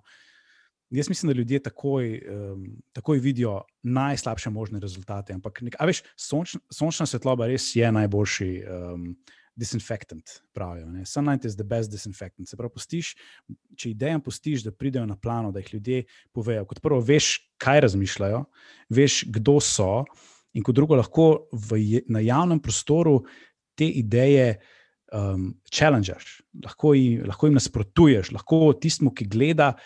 Um, postaviš, v bistvu, oziroma predstaviš neko drugačno in novo mnenje, nov pogled na nekatero stvar, ki so jo mislili, da je um, meni to veljalo za sigurno, pa sem pa videl, um, to sem že veliko slišal. E, meni je ful dobro, ker se vi skozi skregate, zato ker, ker jaz to poslušam, dejansko začnem o teh stvarih razmišljati in sem že veliko spremenil svoje mnenje. In to je, to je najboljša, to je najboljša stvar. In zato sem jaz tako v bistvu absolutist, kar se svoboda govora tiče, razen mogoče za kakšne, ne vem, od teroristov do karkoli že. Um, tam lahko, ne spet potegneš črto, pa rečeš, ok, ne, se pravi, svoboda govora se konča tam, ko se začnejo pravice nekaterih drugih ljudi. Ampak spet, kje je ta meja? V končni fazi je skoraj boljš pustiti vsem govoriti. Pa v bistvu zaščitiš, zaščitiš to glavno pravico, ker v končni fazi so samo besede. Problem je, ko besede začnejo prehajati k dejanjem, ampak to je itak že kriminalizirano, od pripravljalnih dejanj v pravu, ne, do, v končni fazi do samih, samih izvedb. recimo, kakšnih uh, uh, kaznivih dejanj. Tako da ta meja, se mi zelo lepo, pustimo, da govorijo. Um, Lažje tudi potem svoje življenje nekako orientiramo, zato ker vemo, kdo so naši prijatelji, kdo nas ni zapustil, kdo nam je pustil govoriti, um, kdo je z nami vstal, kdo se z nami uh, ne strinja. Skratka, urejamo si, sistematiziramo si v bistvu življenje okoli sebe in na koncu imamo v bistvu veliko velik lažje pridemo do nekaterih odločitev. Zanimivo, kaj glih včeraj, sva se pa z Anžetom pogovarjala na sprehodu o algoritmičnem kuriranju oziroma o zelo glasnem shadow banu. Uh, glih, kar si prej obedu Barkota potrča, um, sva se pogovarjala, ne, zato ker je imel video tako velik engagement, ki ga je avtomatično dal na samodejno predvajanje in tisto je nabilo ogledal še pa še pa še. Klele se mi zdi pa ena algoritmična odgovornost, da Marko naj svojim sledilcem, ki so se prostovoljno pač odločili, da ga spremljajo na njegovi platformi, govori bilo kaj. Um, Pol je pa v bistvu vprašanje resnice in preverjenih dejstev. Pa tukaj ne gre za moje osebno mišljenje, jaz ga sploh nimam v tej situaciji konkretnega, ampak tako, kaj je fake news oziroma kaj je družbeno nevarno, da se promovira iz tisto težno, kot kar nekdo iz Inštituta za varovanje zdravja. A razumeš? Razumem. Mm, zdaj, to je lahko uh, ta logična napaka, ki se reče appeal to authority. Samo zato, ker je nekdo strokovnjak, pa zato, ker ima nekdo naziv uh, na IAZ, um, še ne pomeni, da se lahko zanesemo na te informacije. Okay, lahko... Konkreten primer verjamemo nezemljane. Ja, ok, se jaz tudi. Vsak dan pišem o tem, da svetu vlagajo, vladajo kuščari in da smo vsi sužni kuščarjev. Ali, si de, ali si David Icke? Ali algoritem ne gre nagradi to mojo obskurno teorijo z istim številom ogledov, kot pač ne vem, nekega znanstvenika, ki odkriva zdravilo za raka, a so pač jaz in kuščari, mogoče bolj nišna stvar. Le, jaz sem, jaz sem, jaz sem fultko konosr um, teorij zarote. Okay? Meni je to tako zabavno, da ti ne znam povedati. Okay, jaz ne vem, če si ti, ne vem, kdaj si začela YouTube uporabljati, ampak YouTube, preden so ga v bistvu sanatizirali, totalno je bil eden izmed najbolj zabavnih uh, mest, na katerih si lahko zabil neverjetno veliko časa na vseh možnih konspiracy teorijah, od iluminatijev do vesolcev, do piramid v Bosni, do ne vem, če se še vse. Okay, okay, okay, čakaj, ba, ba, boljši primer, zato ker zdaj sem jaz spet v kruhu brno. Ajde, boljši krajer. Jaz te pišem na Facebook, da lahko korona pozdravim s kristali če si jih zarineš, face to read. Ja, jaz bi pustil, jaz bi to pustil, da bi ljudje to probavali, ker to je samo hodo. Pa rekel bi, da se moraš nujno snemati, pa da na, na, na Facebook, da bi se jim lahko še mi smejali. Lej, um, ne vem, meni se, men se to ne zdi z vidika, um, a veš, vedno je ta spet, kako ti želiš uh, hedžati svoje stave. A jih želiš hedžati proti svobodi, ali jih želiš hedžati v smer, um, ko bi ti mu rekel, v smer avtoritete. Ker jaz veliko rajš delam to, kar delajo američani, da imam, um, da vsakič, ki nekdo umeni cepljenje ali pa ne vem kaj, da, da imaš. Da imaš en del prebivalstva, ki je, no, jaz se ne bom cepil, mene vi ne boste nadzirali, meni ne boste čipov dali v vrat, da me boste sledili. To je v bistvu ful dobr na nek čuden način, zato ker se upiraš, upiraš se avtoriteti. In to sicer je lahko zelo infantilno, takrat, ko ni dobrega razloga, ampak še vedno je tisto, kar te nekako varuje pred eh, avtoritarnostjo nekih. Um, pa zdaj lahko rečeš, ali je to tiranija, tiranija strokovnjakov, tiranija države, tiranija česar koli. Da imaš ti ta nagon, da rečeš, hej, mm, no, te vi meni govorili, kaj naj jaz delam. To je meni v bistvu ful dober nagon. In bi si ful želel, da se veliko ljudi, ki se zdaj temu tako upira, da bi se, da bi se upirali nekaterim. Uh, uh, tehnikam nadzora, od, od uh, kako se reče, prej od socialnih medijev do uh, ne, tehnologije, do programov uh, vohunjenja nad prebivalstvom, do um, vem, facial recognition uh, tehnologije, ki se posod nastavljajo, do kitajskih variant, uh, social credit skorov in tega, da bi ljudje imeli upor proti temu, to, kar ga imajo zdaj. Ampak jaz vem, da takoj, ko, um, ko se bo slovencu vlada zamenjala od groznega, grosupolskega moža v neki bolj, uh, ko bi temu rekel, neki bolj. Um, uh, Prijaznega, kot je recimo Tanja Fajon ali kaj takega, da jih bodo taki ukrepi veliko manj motili. Pa nočem biti zdaj seksist, ampak bojo rekli, pa dobro, vse ženska, vse. A ne, materinski nagoni, bodo, nič nam, nič nam ne bodo hoteli. Kar koli je zgodilo. Prejšnjega, ki je bil tako malo softi, smo dali dol, da pač ni dosto odločno ukrepov. Klele bi si pač celo upala arguirati nazaj, da pač slovenski narod rab mal tiranstva, drugače pač ne moramo funkcionirati preveč dobro. Vsekakor, vsekakor rabimo neko centralno avtoriteto, da nam pravi, kako moramo živeti, samo dokler ni to Janez Janša.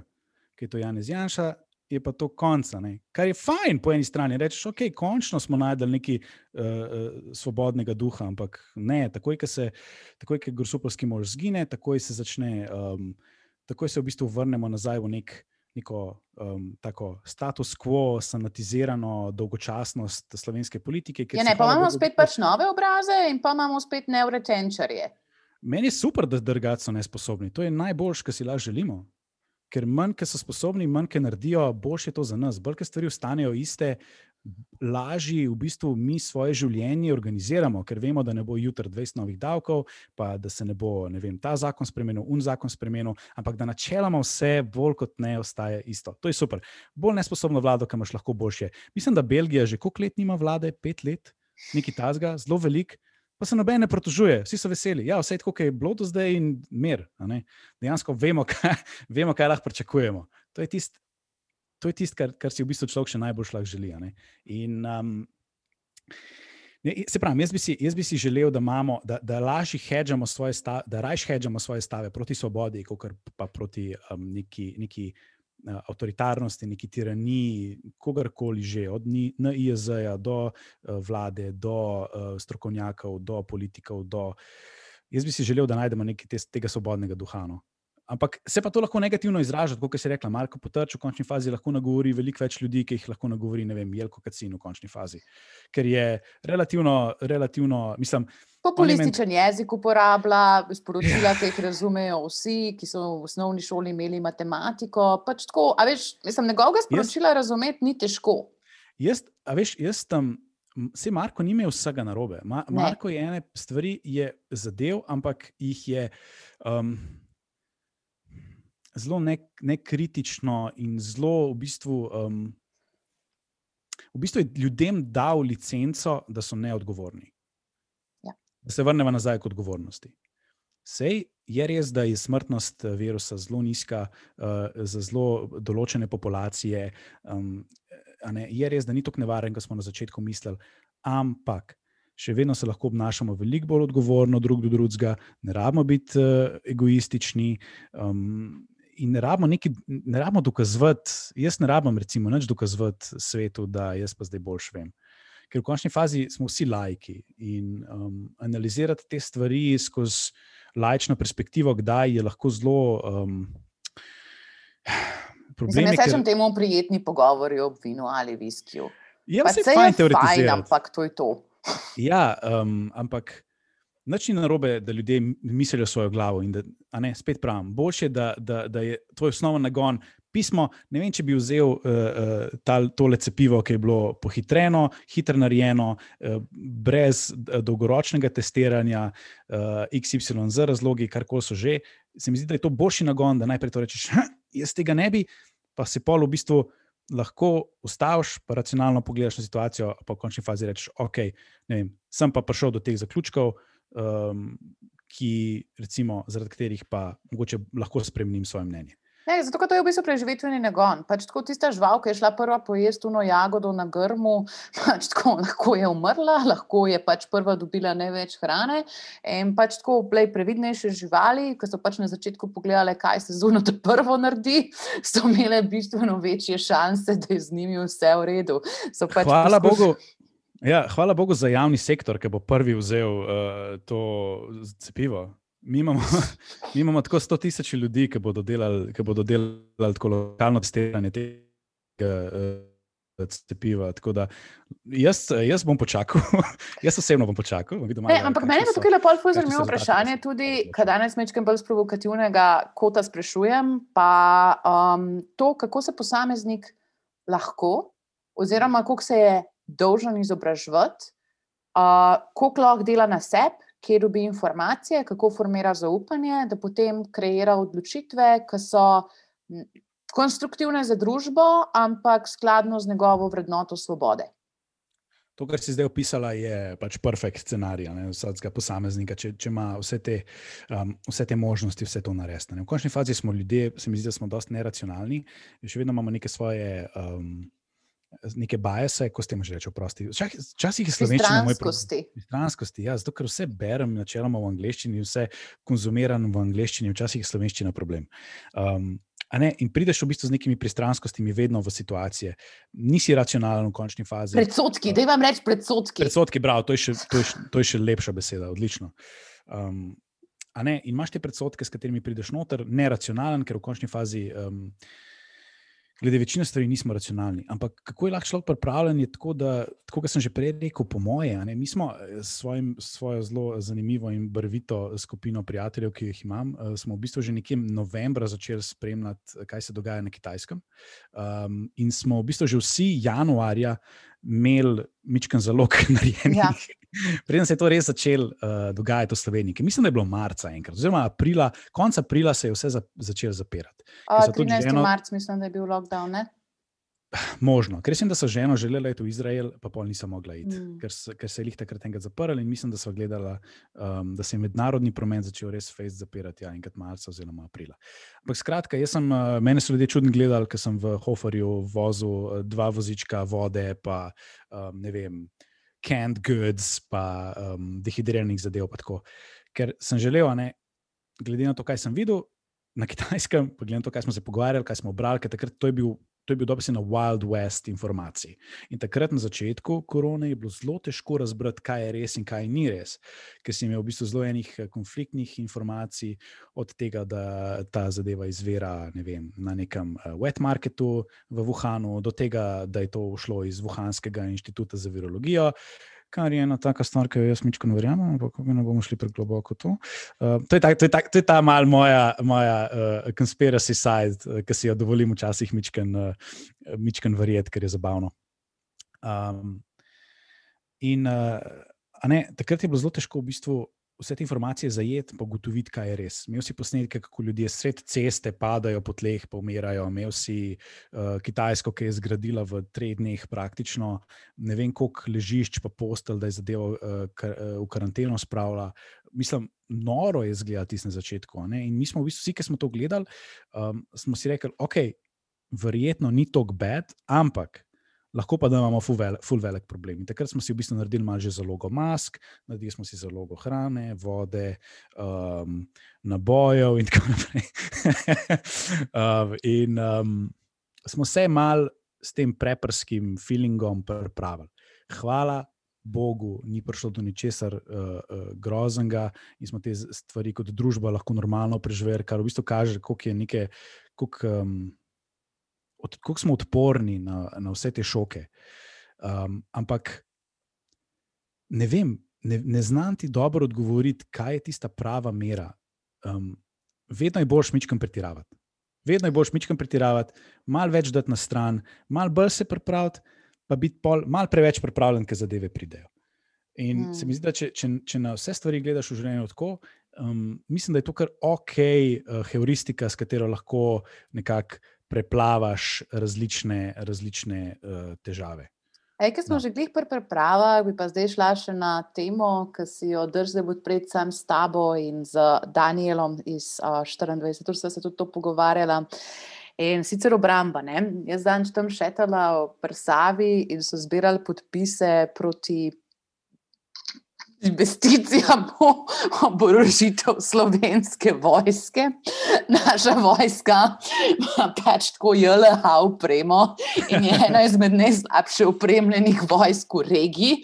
Pač tako res betje in pač v primeru vojaškega konflikta imamo mi tako nekaj deset nesposobnih generacij se zaboriti, zaradi tega, ker niso bile v vojski. In mislim, da je tako dejansko na neki točki strah, da bo moj fotor, ki je pač bil pred ne vem vem, 40 leti v Prištini na, mislim, na tem vojaškem treningu, da pa pač on tako še ne jači v naši familiji, kako bi mi delali kakšno obrambo. Ampak ne, to mi je fulj zanimiva tema, no, kot se reče, da se preveč prepravimo. Um, kako pa to komentiraš, kako pa ta naš sistem samo. Obrambe, pa boh ne da je kakšen vojaški konflikt, ki že tam, ki smo pred parlament malo šli, je bilo že raval spet. To je tisti full cringe uh, stavek v latinščini, ki ga kašni te BDS, uh, eh, taktični tipi radi si dajo v svoj bio na Twitterju ali pa neki, eh, že kako je že. S, uh, Sivi s pacem, parabelom. Se pravi, če želiš mir, se pripravi na vojno. In, um, a ne, spet, priprave. Ti, mi moramo investirati v vojsko z tega vidika. Až pri nas je vojska res ni neka agresivna sila. Mi govorimo o obrambi in govorimo o praktično neki civilni zaščiti. Vojska vedno pride, ko imamo naravne nesreče, uh, ko, so, ko so spet eni čehi šli v gore in so si oblekli na tikače na mest eh, pohodnih čelov in so se nekam zaplezali in zdaj ne morejo dol priti. Koga se pošle, je gorsko reševalno pa vojsko. Ne, mi imamo. Po drugi strani imamo pa tudi odgovornost do, do moških in žensk, ki so v vojski, da jih založimo z neko um, opremo, ki jim vsaj v osnovnem smislu dovoli, da upravljajo svoje delo. In Na dostojanstven bil, način, pač tako, tako da. Ja. In to je bil tak, um, v bistvu je bilo tako ful grdo zavajanje, ker se je govorilo o 780 milijonih, pa se je v. v um, v bistvu v vizualnih podobah in ustvarjanju tega narativa se je uporabljal uh, slike tankov, pa helikopterjev, pa ne vem, če so še vsega, in se je v bistvu prikazal, kot da uh, je slovenska vojska neka agresivna sila, ki bo te stvari, uh, zdaj, ki jih bomo kupili s tem denarjem slovenskih davkoplačevalcev, uporabljala za to, da bo v Somaliji streljala otroke. In um, to je tako daleč od resnice, da je prav, prav žalostno, kako dobro jim je uspel. Mene vedno razočara to, predvsem razočara me tako nad, nad mojimi sodržavljani, da vedno padejo na to finto. Ker je res tako, mislim, da je.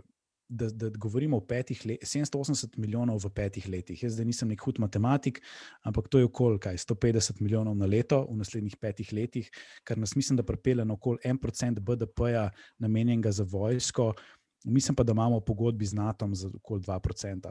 Jaz sem en izmed tunih libertarcev, ki ne verjame v, v neintervencioniranje na globalni sceni, ampak se mi zdi, da um, ni čisto narobe, da smo povezani uh, v neki, nekem obrambnem paktu v Evropi, uh, ki je NATO, veliko bolj, kot da se povezujemo recimo, z nekimi regresivnimi silami, kot so Rusija in tako naprej. Uh, ampak poznam veliko ljudi v vojski, veliko velik vojakov, ki z njimi tudi veliko delamo, uh, dejansko z operativci na terenu, z vojaki, z, se pravi, z, z člani uh, enote za specialno delovanje, ESD, oziroma bivšimi pripadniki. Um, in to, kar, kar v bistvu slišiš, kakšne so razmere, kako ljudje odhajajo iz vojske. To so zelo kompetentni ljudje, ki si želijo to delati, ki se ja. vozijo. Sploh kar se ESD-ja tiče, oni imajo, um, mislim, da. Glavno bazo v Kočevju, kar pomeni, da če ti že v Ljubljani, se ti voziš eno uro, pa pol v Kočevju zjutraj in eno uro nazaj v Ljubljano, um, potem zvečer. In to v bistvu z cel, celega konca Slovenije, od Kranja do Maribora, do izposod. In, in to so ljudje, ki res verjamejo v to, kar delajo. In se mi ne zdi fair do njih, ne zdi se mi fair do, do, do države, da, da tako mačehovsko se v bistvu obnašamo do, do vojske. In pa se moramo odločiti, da si mi želimo dejansko imeti neko, neko semi-kompetentno, obrambno uh, uh, uh, silo, ali jo pa pač ukinemo, pa to outsourcamo, kaj italijanom, ko že tako delamo z, uh, letalsko, uh, z letalsko v bistvu zaščito. Mislim, da nam, uh, uh, da nam ta naš airspace pokrivajo italijani. Pa rečemo, ok, pač nimamo teh stvari, ne rabimo jih. Ne dajmo ta denar nekam drugam. Ok, prav, sem pol, pol, pol dajmo tako reči. Ne pa, da v bistvu stradamo, neko stvar izstradamo do samega, do, do tega stanja, kjer um, dejansko zadeva ne obstaja več, ampak se v bistvu ta denar potem dejansko slabo porablja. A ne, pa to sem spet jaz, ker sem kao nek libertarc, pa ne vem kaj, pa ne verjamem v državno zapravljanje. Ampak, če me vprašaš, država bi morala skrbeti, da, da sodišča delujejo, da imamo neko. Uh, odgovorno policijo, da imamo obrambo države in to je načeloma to, kar bi država morala početi. In mi še teh osnovnih stvari ne znamo porihtati, medtem pa uh, smo pa črkobralski, pa um, birokratski, kar se tiče zakonov, pa, pa branja tistih najbolj finih tiskov, da lahko nekoga, nekomu zakompliciramo. Čisto neko privatno življenje, kjer ja, lahko burek pojem na cesti. Ok, tisti je bilo fake news, ok, Maja ti se dejansko ni tako zgodilo. Ne, ne, ne, ne, ne. Jaz, bi šla, jaz bi raje šla nazaj na tole, zaradi tega, ker mi je. Ne, nočem, nočem se odreči. Ja, nočeš še od. Razumem, razumem. Um, ne, ful mi je. V bistvu to, kar zdaj jaz razmišljam, ne je dostojanstvo. Pač tako, moj stric, ki je bil um, v Legiji in pač je bil vodja rekrutment centra v Legiji, on je gospod. On je pač v Franciji gospod, pač tako bil je tam, ko so se kolonije v Severni Afriki osamosvajale, bil je modra čelada, bil je takrat, ko so bili pač konflikti na Balkanu in pač zdaj ima zelo, mislim, lepo življenje. Pač Doživel je marsikaj. Pač to ni lahko življenje in to ni recept, kako postati milijonar s hišo in bazenom v Provansi. To je nekaj tazga, ki mu je država dala v zahvalo v čast, zato ker je pač ne služil. In klele se mi pa zdi, fuj pomembno, no, to, kar si ti rekel. Um, in naprimer tudi za tole osebe, ki zdaj le pomaga, pa take zadeve. In ne samo pač, da na social mediji delimo, kako so blogi, ampak dejte jim freaking cash. Pač ono, ne, ne, ne, ne tako resno, resno, za dostojanstveno življenje, da pač ne vem, če cele dneve dela na urgenci, da si lahko kupi dodatno varuško, mislim, sorry, najame se temu reče, pač, da lahko ljudje živijo neko dostojanstveno življenje. In tole je pa ena stvar, ki mene blazno zbode da mi pač kot družba ne investiramo teh sredstev v to, kar je naša infrastruktura, kar smo pač vzpostavili, že da mi rabimo, če pač ne vem, se hočemo v naravnih nesrečah braniti, če se hočemo v primeru konflikta braniti, kar koli, ampak ne, mi se pač od tega obnašamo, kot da je bila to naša zadnja skrb. Več časa, po mojem, povprečen slovenc razmišlja o tem, če bi momljan mogel biti slovenski ali hrvaški, od tega, kako bi pač reagirali, če bi prišel do, do konfliktne situacije. In, ne, tale mi je taka tema, ki je v meni kar rezonirala, no, tako čisto iskreno. Zdravstvo, mislim, sploh v tej krizi se mi zdi, da smo ugotovili, da um, nam noben ne bo glih za res prišel pomagati in da smo zelo, zelo, zelo odgovorni sami za sebe in za svoje stanje in za svojo srečo in um, za svojo varnost. In če kaj upam, da so, da so Slovenci uspeli to vzeti izmed vsega tega, da da, da, da, si, da si dajo več odgovornosti, da si, da si dopustijo, da ne poskrbi za vse neka država, nad katero se lahko pol pretožujejo, da nekih stvari ni naredila. Meni je fajn, da država čim manj naredi, če sem iskren. Jaz si želim, da bi ljudje uh, lahko obdržali več svojega zaslužka, da bi lahko več svojega dela v končni fazi obdržali, zato ker uh, zaslužek je njihovo delo. In več ko njim tega vzamemo, manj jih opo, opo, uh, se pravi, opo, opolnomočiti, opolnomočujemo. Ne, in negativna selekcija se začne dogajati. Kot si ti rekel, pač tista vojašnica od Kočevja. A veš, pač tako, lej, če človek ni za svojo družino, pa ljudje ne rabijo veliko stvari, ljudje rabijo avto, pa hišo, pa družino. Da pač tako lahko normalno živijo. Se to ni noben takšen, da bi hotel biti bilionar, verjetno, ki delajo take poklice. To je dobesedno fašizem, Maja. Kaj? To je dobesedno hiša, družina, lepo te prosim. To, je, to, je, to so fašistični koncepti. Da si nekdo Kaj želi. Kaj ti govoriš? Vse... Ne razumem te. Hecam se malo pretiravam. Moj, moj vižen borc se ne Nuk, strinja s tabo. Um, nuklea, ne. nuklearna, nuklearna družina je dobesedno nacizem. Ne, ne, ne, ne, ne. Ampak, kaj hočem povedati, je, da pač v če mi ne, te infrastrukture ne zagotovimo, pač negativno selekcijo imamo, brain drain ima zdaj ne moramo imeti, zaradi tega, ker jih ne spustijo čez mejo.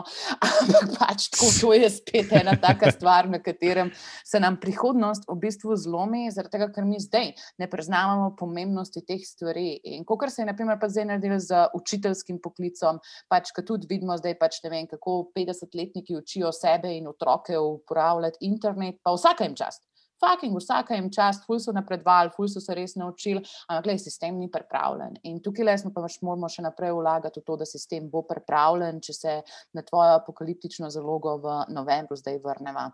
Jan, a ste že izčrpala? A bi dal še kakšno inspirativno um, um, sporočilo slovencem, ja. slovencem in slovenkam, ki nas poslušajo za leto 2021? To, da je, da je svoboda res odgovornost in omejitve, in da si jih moramo lepo določiti, da se jih moramo držati, ker nam to da dejansko nek, nek okvir, v katerem delujemo. Igra ni zabavna, če nima pravil. Če ti nekoga vržeš, pa mu rečeš, naj, igraj se. Ja, ok, kako, povej mi, kaj so pravila, da, bom znal, da, bom znal, eh, da se bom znal igrati. In to je tisto, neka osebna disciplina, osebna pravila. Um, in čim več, čim več razmišljati, ne v smislu, kaj lahko pričakujem od drugih, kaj lahko pričakujem od države, da mi bo dala, um, koga moram voliti, da bom dobil tisto, kar si želim, ampak razmišljati, kaj, lahko, kaj so koraki, da bom jaz postal čim bolj neodvisen od drugih, čim bolj neodvisen. Pa to govorimo v bistvu na nek način materialno. Ne? Ker to je, to je tudi velik del neodvisnosti, je, da, um, da nisi odvisen od tega, da bo naslednji mesec prišel nek, ne vem, neko nakazilo od države, da boš lahko preživel. Ampak da razumem, da velikrat ljudje nimajo drugega in s tem ni nič narobe, ampak dokler nekako stremiš k temu, da. Uh, Da, nasle, da bo naslednjič zate boljš, da boš ti res tisti ko bi ti mu rekel, lastnik svoje lastne usode. To, je, to se meni zdi osebno neki, nek cilj, ki si ga jaz želim za ljudi, da, da, da niso odvisni od, od dobre volje nekih oblastnikov, od dobre volje ljudi, ki imajo nad njimi moč, ampak da so sami tisti, ki sami se ustvarjajo neko prihodnost. In jaz mislim, da če bomo stvari delali, kot smo jih delali do zdaj, če bomo svoje upe polagali v, v, v oblast, um, v oblastnike, da se ne bo kaj veliko spremenil. In ko se začnejo take stvari dogajati, ki se dogajajo zdaj, je, je, če se ujameš, da razmišljaš, okay, kaj more vlada še narediti v tem primeru.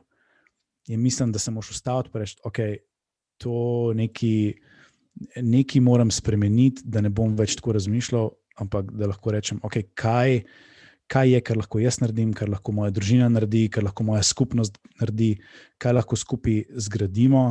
Um, ali lahko koga pokličem, ali lahko kaj skupaj, komu kaj pomagam, komu kaj. Uh, skratka, kako lahko gradim na neki skupnosti, svoji skupnosti, lokalni skupnosti, um, v bistvu tudi stanovski skupnosti, ne, v poklicih, ki jih delamo, uh, kako se v bistvu povezati, lahko tudi s konkurenco, s dobre odnose med ljudmi, um, ki so na tvojem področju. Skratka, um, jaz mislim, da. Um, Kako je že tista dobra beseda? Uh, lepa beseda, lepo mesto najde neki. Vse se bom spomnil, boš odrezala to dolgo pauzo stran. Um, v bistvu, ja, tako. Uh, don't be, uh, da mi trenutek. Don't be a go-getter, go be a go-giver. Se pravi, pet, vedno gledaj. Recimo, en ful dobr primer se mi zdi zdaj en moj uh, kolega, s katerim tudi poslovno sodelujemo, Luka Zorenč, uh, ki je. Uh, ki je uh, v bistvu bivši pripadnik SD je napisal zdaj knjigo o svoji, uh, svoji izkušnji v vojski, jo zelo priporočam, tudi, uh, tudi mi smo malo omenjeni. Um, In je bilo tako, takoj je rekel: Jan, jaz pišem knjigo, sem rekel: Ok, kupam deset izvodov, sam podpisati mi jih moš. Ne, se bi lahko kupil sam zase, ampak zdaj imam dejansko deset izvodov, ki bodo podpisani in bom lahko dal za darila. Uh, on je deset knjig uh, takoj prodal. In, ne, kaj je tisto, kar lahko nekomu uh, pomagaš pri projektih, ki jih dela, um, tudi na svoje stroške, ker se mi zdi, da se ti na koncu lahko vedno to povrne. Veš, kaj je to? To je kuža. To je družbeno odgovoren portret od našega psa. Lep kuža je. Kaj to pomeni, da je družbeno odgovoren? Kaj to pomeni? To je nora zgodba, listen to that. Uh, jaz sem predavala na enem fuluškenem dogodku, moja karijera od financ in politik pač tako, ne vem. Do mene vedno pridejo neki ljudje, pač mi se pa lepo pogovarjamo. Jaz pač tako polovico Slovenije ima po mojem mojo telefonsko številko, zato ker se že ne pokliči. Pač tako povej tisto, kaj ti leži na duši, pa bo vam idva to rešila. Če ti lahko pomagam, ti bom, drugače pač te lahko verjetno na kakšno drugo osebo obrnem.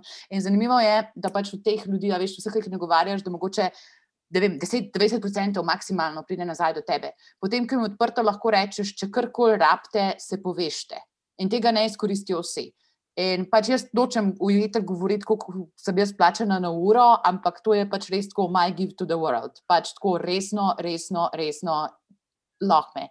In ko smo se pogovarjali s to punco, ki je drugačija kot dizajnerka, pa arhitektka, uh, sem jaz vprašala, kaj, kaj pa ti delaš, kaj si pa ti želiš. In ona pač tako portretira pse in pač te živali, in drugače pa dela diplomsko iz um, nekih ilustracij ptic nekaj tasga je, pa zdaj se želi ufurati v podjetniško oziroma v to sceno še. In meni je, mislim, meni je moral duty, da mi take talente spodbujamo in da jih pač negujemo, zaradi tega, ker meni je pač ta njen artwork full lep.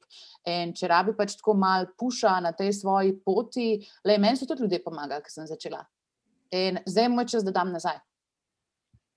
To je, to je full dobro in tako če, če, če, če uspeš tako razmišljati, če ni vse v tebi, um, v bistvu boj s konkurenco, pa um, rezanje kolen uh, drugim okoli sebe, zato da ti v bistvu stopiš lahko eno stopničko višji. Če si, če si v bistvu tako samozavesten v svoje znanje, v to, kar delaš, um, v svoje sposobnosti, da veš, da kljub temu, če boš ti nekomu pomagal, da bodo ljudje še vedno tebe najemali, da bodo še vedno ljudje k tebi prišli. Ker, ker, ker, si, ker si ti. Veš, jaz, jaz imam tudi velik problem s tem, da je Kruger, uh, Danin Kruger, ne impostor. Tudi z Danin Kruger, ja. tudi z Danin Krugerjem imam kdaj probleme, ne rečem, ampak impostor. Impo, ja, lej, priznam, tudi uh, v tem pogovoru se mi zdi, da so se na ene par točkah malo zapletla, zato ker sem se za, za filozofiral, pa zapletel, zato ker si probam.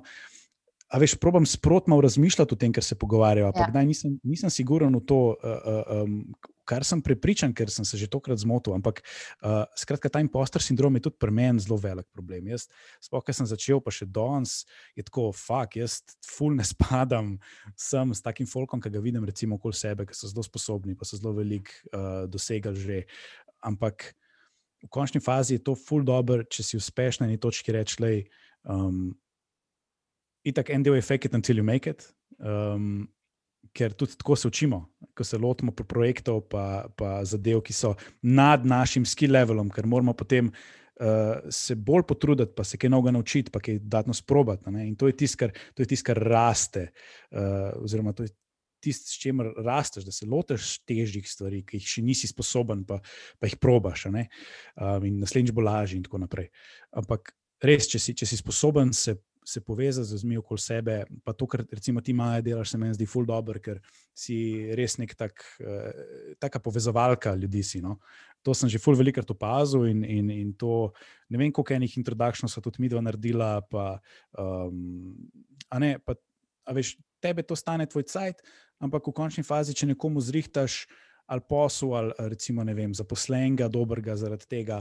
Um, ne, ti je ta človek se počuti dolžen in ti bo sigurno vrnil to uslugo. Če je tudi on tak človek, Zdaj, če bo se zase zagrabil, pa rekel: ne, ne, ne, ne pa ali tako ne moreš. Ampak ti si še vedno dobro stvar naredil. In ne vem, jaz sem bil vedno tak, da sem vedno takoj skočil pomagati, če sem le imel caj, če sem le lahko in um, ne, tudi, tudi, tudi konkurenci, nobenega problema. Um, ne vem, jaz, jaz posel ne vidim na tak zelo cutthroat način. Um, Čeprav je fajn, da si v bistvu, da si mal tekmovalen in tako naprej, s tem ni nič narobe, ampak eh, še vedno ti pa ni v tej tekmovalnosti treba požgati čisto vseh uh, mostov. Ja, jaz mislim, da če za drop the mic. A boš ti to na tla vrgu? Moram, si samo provizorično, je pričvrščen. Pričvrščen je, nima ga kam vrš, laga butnem. Ona te lušna stojala, ima, ki zgleda kot tista lučka, ki sem imela včasih na mizah, v arhitektske noro. Jan, ful je bilo lepo s tabo, hvala za tale totalno inspirativen, močen in takšen zelo dinamičen pogovor, bi jaz temu rekla. Pač tako dotaknila sva se marsikatere teme, zelo mi pošeč, da sva končala na koncu z enim pozitivnim sporočilom, z enim sporočilom upanja in mi seveda tudi tebi želimo veliko sreče v 2021, da boš užival v svojih novih očetovskih odložnostih in prijetnostih, da ti bo biznis super laufu, pa lej, še naprej nas razveseljuj na družbenih omrežjih s svojimi svobodnimi mislimi. V podcast bomo pa um, linkali vse tvoje profile. Samo še zadnja stvar, povej, kjer je pa najbolj, da se poslušalci povežejo s tabo, če to želijo.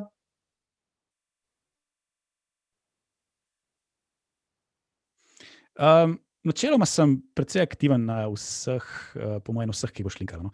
Uh, tako da meni je vse, kar vam sedaj, jaz vse, vse prečekiram. Um, tako da, kjer, kjer, mislim, da se mi zdi, da sem na Twitterju za ene cajt še najbolj tak. Naj, najbolj zabaven Twitter, trenutno, ker je Facebook, se mi zdi, da je vse počasi zablokiral, pa nas zaprl v neke mehurčke. Tako da Twitter še nekako deluje, ker nas tudi tam nojo še dobenal.